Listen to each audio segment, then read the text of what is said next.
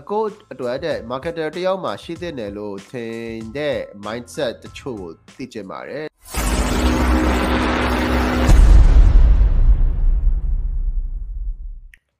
Okay အဲ့တော့ကို agent မောင်မေးထားတာက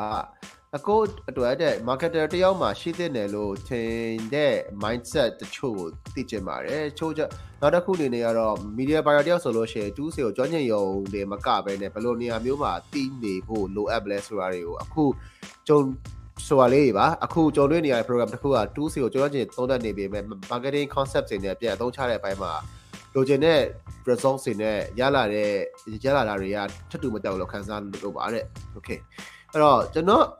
personally အမြင် marketing တမားတယောက်မှာရှိတဲ့ mindset ဆိုတော့ကြတော့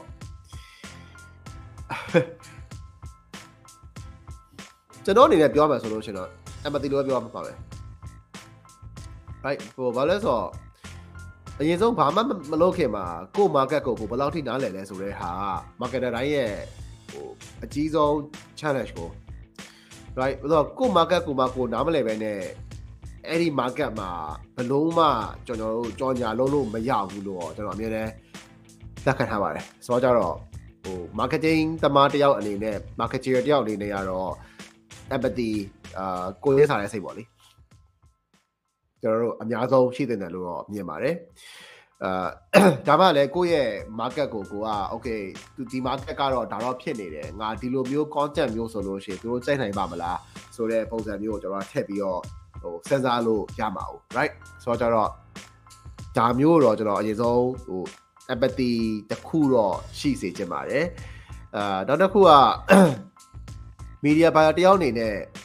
တူးစီကိုကြောချင်ရုံမကပဲနဲ့ဘယ်လိုနေရာမျိုးတွေမှာတီးဖို့လိုမလဲဆိုတာလေးအဲဆိုတာလေးပါတဲ့အဲ့တော့ဟို media buyer ကျွန်တော်သိရတချို့ media buyer ဆိုလို့ရှိရင်တူးဆောင်မကင် တက်ကြအောင်အဲ့တော့ media buying မှာနှစ်မျိုးရှိရယ် media planning နဲ့ media buying ဆိုပြီးရှိရယ်အဲ့တော့ဟို media planning ကကြတော့ကျွန်တော်တို့ဘယ်ချိန်မှာဘယ် channel ကနေပြီးတော့ဝယ်မှာလဲပေါ့နော်ဝယ်မှာလဲဆိုတော့ဟိုထားပါတော့ကျွန်တော်တို့အာ Facebook တခုတည်းသုံးနေတဲ့အာ brand တွေဆိုလို့ရှိရင်တော့ကျွန်တော်တို့ဒီဒီ Facebook channel တခုတည်းထည့်ပါမှာပေါ့လေအဲ့လိုမဟုတ်ဘဲနဲ့ကျွန်တော်တို့က media buyer ဆိုတဲ့နေရာမှာအခုနောက်ပိုင်းဗျာကျွန်တော်ဟိုတနေ့ကအာ FI marketing နဲ့မင်းကုံဆိုပြီးတော့ကျွန်တော်ပေါ်လေးတပွဲလုပ်ခဲ့ပါတယ်အာကျွန်တော်တို့အဖွဲ့နဲ့ကျွန်တော်အဖွဲ့ဆိုတာ level up နဲ့အာ SKME ကျွန်တော်ဒီ code အဖွဲ့နဲ့ကျွန်တော်တို့ပေါင်းပြီးတော့လုပ်တဲ့ပွဲလေးပါအဲ့မှာကျွန်တော်ကဘာလုပ်လဲဆိုတော့ကျွန်တော်တို့က programmatic ads ကိုကျွန်တော်တို့မိတ်ဆက်ပေးပါတယ်အဓိကတော့အဲ့ programmatic ads ဆိုတာက အခုဗျာကျွန်တော်တို့ game တွေစော့ကြတယ် right အာ Candy Crush တို့ဘာလို့ကျွန်တော်စော့ကြတယ်ဆိုလို့ရှိရင်အဲ့ဒီ Candy Crush ကိုအကောင့်သေးသွားလို့ရှိရင်အကောင့်အသစ်လို့ချင်းသူကကြော်ညာကြည့်ရတယ် right ကြော်ညာကြည့်ရဆိုလို့ရှိရင်ကအကောင့်သိရတယ်အဲ့တော့အဲ့ဒီကြော်ညာကိုကျွန်တော်ထည့်တဲ့အဲ technology ပါကျွန်တော်အဲ့တော့ဒီ ads တွေကို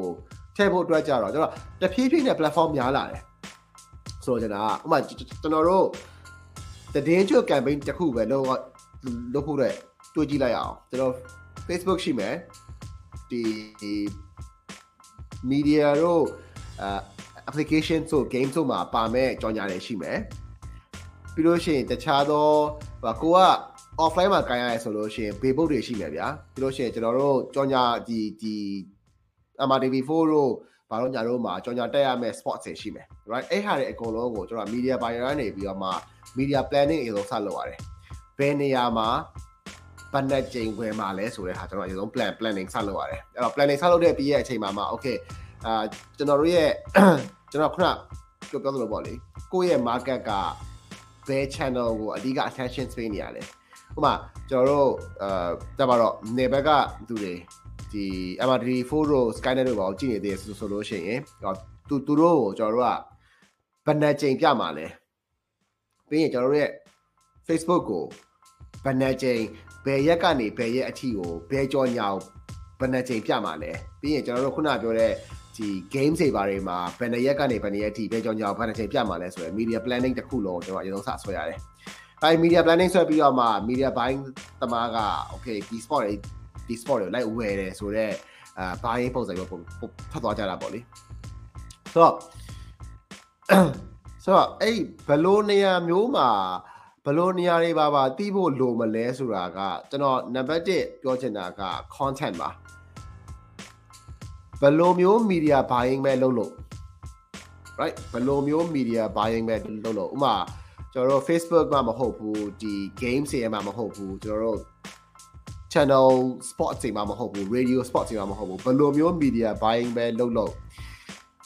again ကို market ကကို market စိတ်ဝင်စားနိုင်တဲ့ဘယ်လိုမျိုး content မျိုးဆိုလို့ရှိရင်စိတ်ဝင်စားနိုင်တယ်ဆိုတဲ့ဟာမျိုးလေးကတော့ media buyer တွေအကုန်လုံးတော့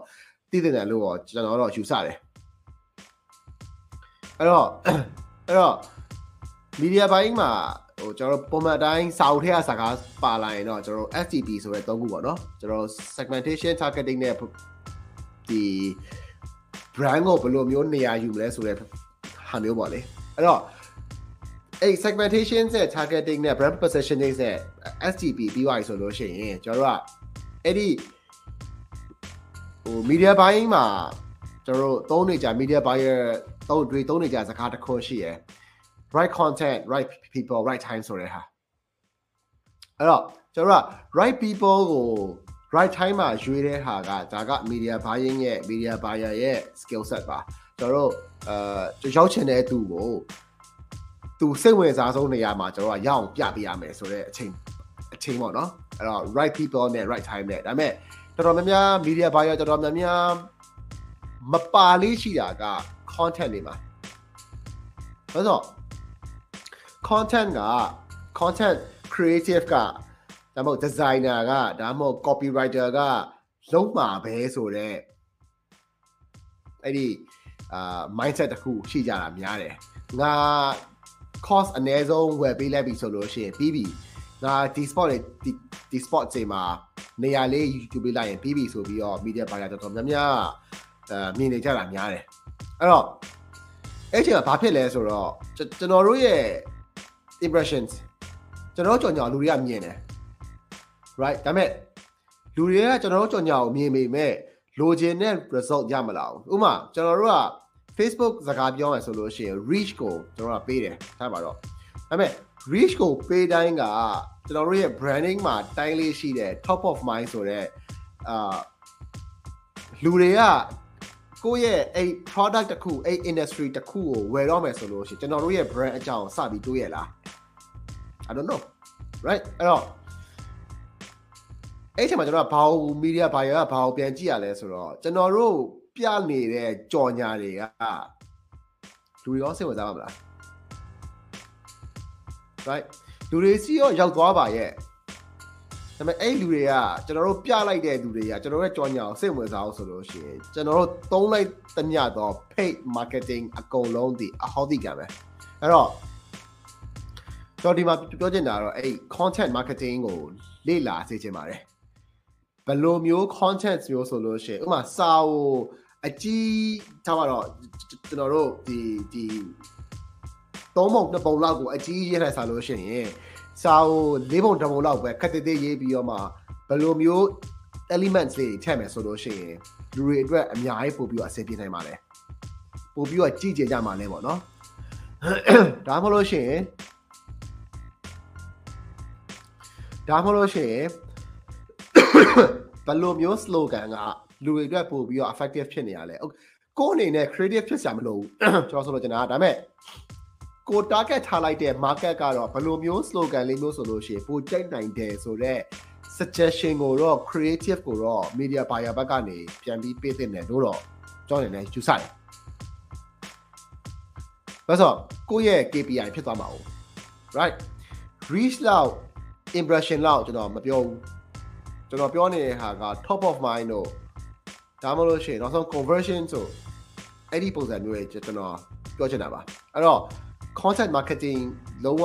အရေးကြီးရလို့ media buyer ရဲ့အတွက်ကိုတော့ကျွန်တော်ဒီကနေမှာချင်ပါတယ်ဒါတစ်အချက်ပါ